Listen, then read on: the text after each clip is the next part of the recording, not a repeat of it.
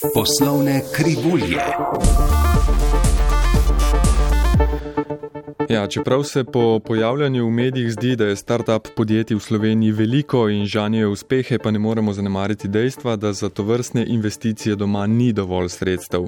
Dovolj ga je samo za začetne semenske faze razvoja tehnoloških podjetij. Do takrat, ko je podjetje samo sposobno produkt prodati na trgu, pa je seveda še dolga pot. Investitorje morajo torej podjetja poiskati v tujini. Današnji gost poslovnih krivulj, krivul Jure Mikuš, direktor podjetja RSG Capital, je poznavalec start-upov in pomemben vlagatelj v regiji. In Nataši Zanutini je najprej odgovoril na vprašanje, ali za investiranje v start-up podjetja, če je zanj primeren denar, ki je v Sloveniji tudi tisti v depozitih. Ta denar, ki je v bančnih depozitih, velika večina tega denarja ni primerna za to vrstne investicije morda se komu zdi logično ali pa prav, meni se definitivno ne zdi prav, da se je lani v takem času, kot smo zdaj, ta denar množično širil v še mnogo bolj tvegane oblike naložb, kot so naložbe v, v tehnološka podjetja, govorim seveda o kriptovalutah. Ta denar je možno, del tega denarja je možno aktivirati za to vrstne investicije, seveda tukaj treba vzpostaviti določena pravila na trgu, ki danes še niso vzpostavljena. Za tuj kapital je pa tukaj par ovir in eno večjih ovir je majhnost našega trga. Mi v bistvu um, Slovenija kot trg um, ni prepoznana med tujimi investitorji. Marsi kateri tuji investitor se odloča za investicijo v druge sosednje države, ki imajo večje število prebivalcev, samo zaradi tega, ker pač računa, da iz več prebivalcev prijet tudi več dobrih tehnoloških podjetij. Dobri deset let se že ukvarjate z iskanjem dobrih projektov in na drugi strani iskanjem denarja. Se je v teh desetih letih kaj spremenilo? Oh, ogromno. Ko smo mi ustanovili ta prvi sklad tveganega kapitala v Sloveniji, smo dobili notor investitorje, ki so takrat prevzeli veliko odgovornost, da so šli v ta prvi sklad ne, brez nekih konkretnih izkušenj v tem področju. Tudi mi smo bili bolj zeleni, kot smo danes. Sploh pa je bila raven podjetnikov, tehnoloških podjetij, bistveno, bistveno nižja kot je danes. Ne. Predstavitve podjetij so bile neprimerno slabše kot so danes. Uh, ni bilo dobrih primerov iz prakse, ljudje se niso imeli odkje učiti. V mestnem času se je v Sloveniji, kljub samo, kljub tej majhnosti in vsemu, se je razvil kar nekaj njih podjetij, ki so pustili en tak, rekel pečat, ne, tudi na, na širšem trgu, ne, na mednarodnem trgu.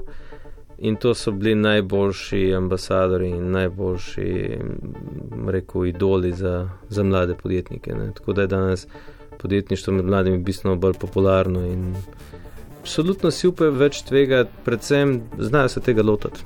Ja, po eni strani v Sloveniji ni dovolj tega kapitala, kot ste rekli, ker smo majhni, je pa verjetno tudi vstop slovenskih podjetij z dobrimi projekti na globalni trg dokaj enostaven, kar pomeni, da za investitorje na slovenskem trgu zmanjka dobrih idej.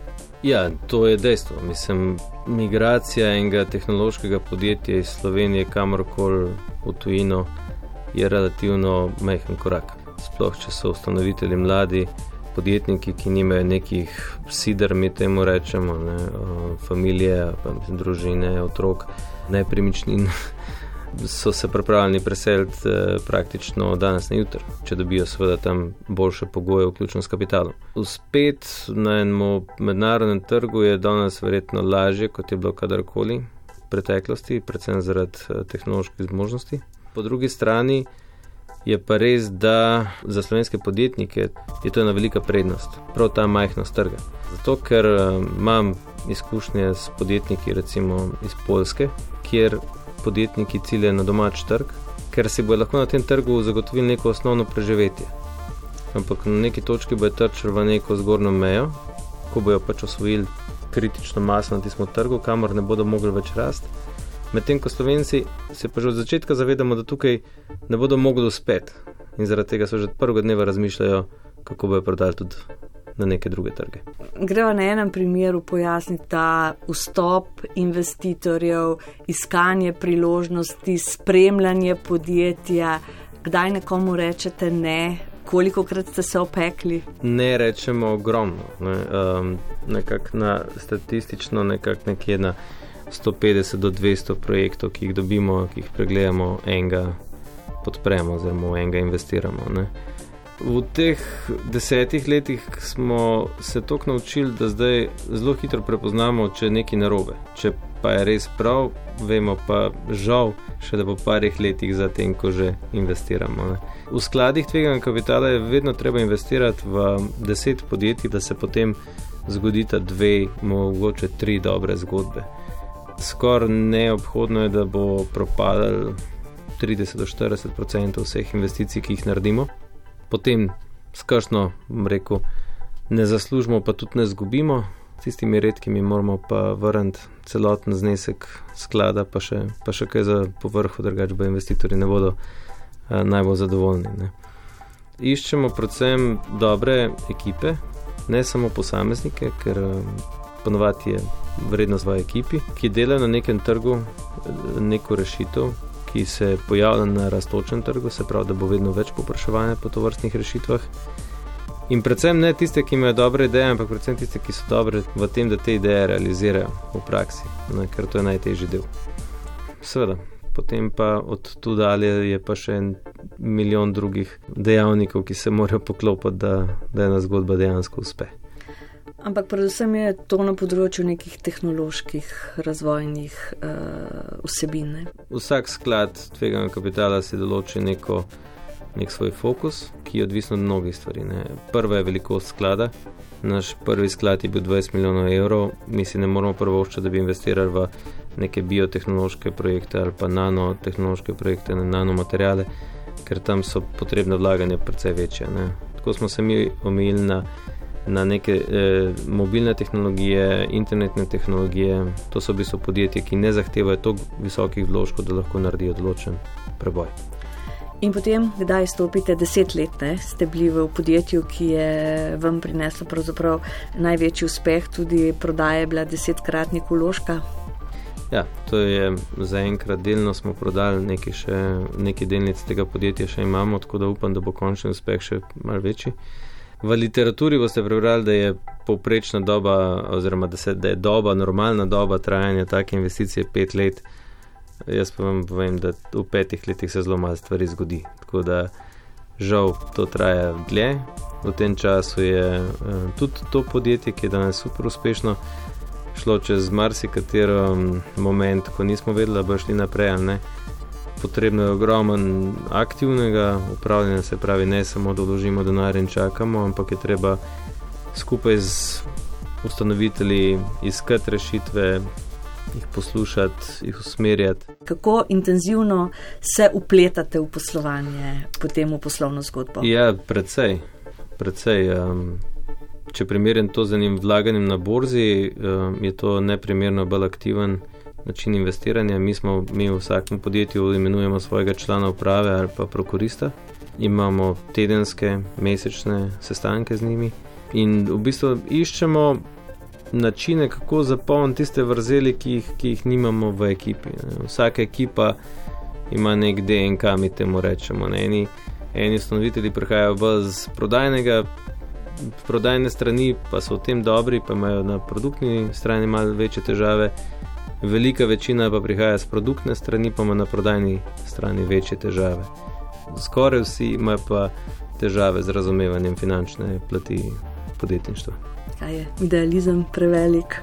Bom rekel, ta pozitivna naivnost, ne, optimizem brez katerega v bistvu ni šans, da kjerkoli podjetje uspe. Ne? Ker če se nekaj ustanovitelj zaveda vseh ovir, ki ga bodo čakali v naslednjih desetih letih, najverjetneje bo pusto idejo že danes. Ne? V Sloveniji je pravzaprav del znanja skoncentriran v nekih institucijah, univerzitetnih eh, inštitutih, na drugi strani morda malo manj v podjetništvu. To prehajanje je zaznati, je bolj prehodno, kot je bilo v preteklosti. Se, se popravlja, vedno več akademske uh, populacije se vključuje v podjetništvo in obratno, vedno več znanja podjetja iščejo tudi v akademskem svetu. Je pa to definitivno področje, kjer je pri nas ogromno rezerve v primerjavi z nekaterimi drugimi ekosistemi, ki jih opazujemo.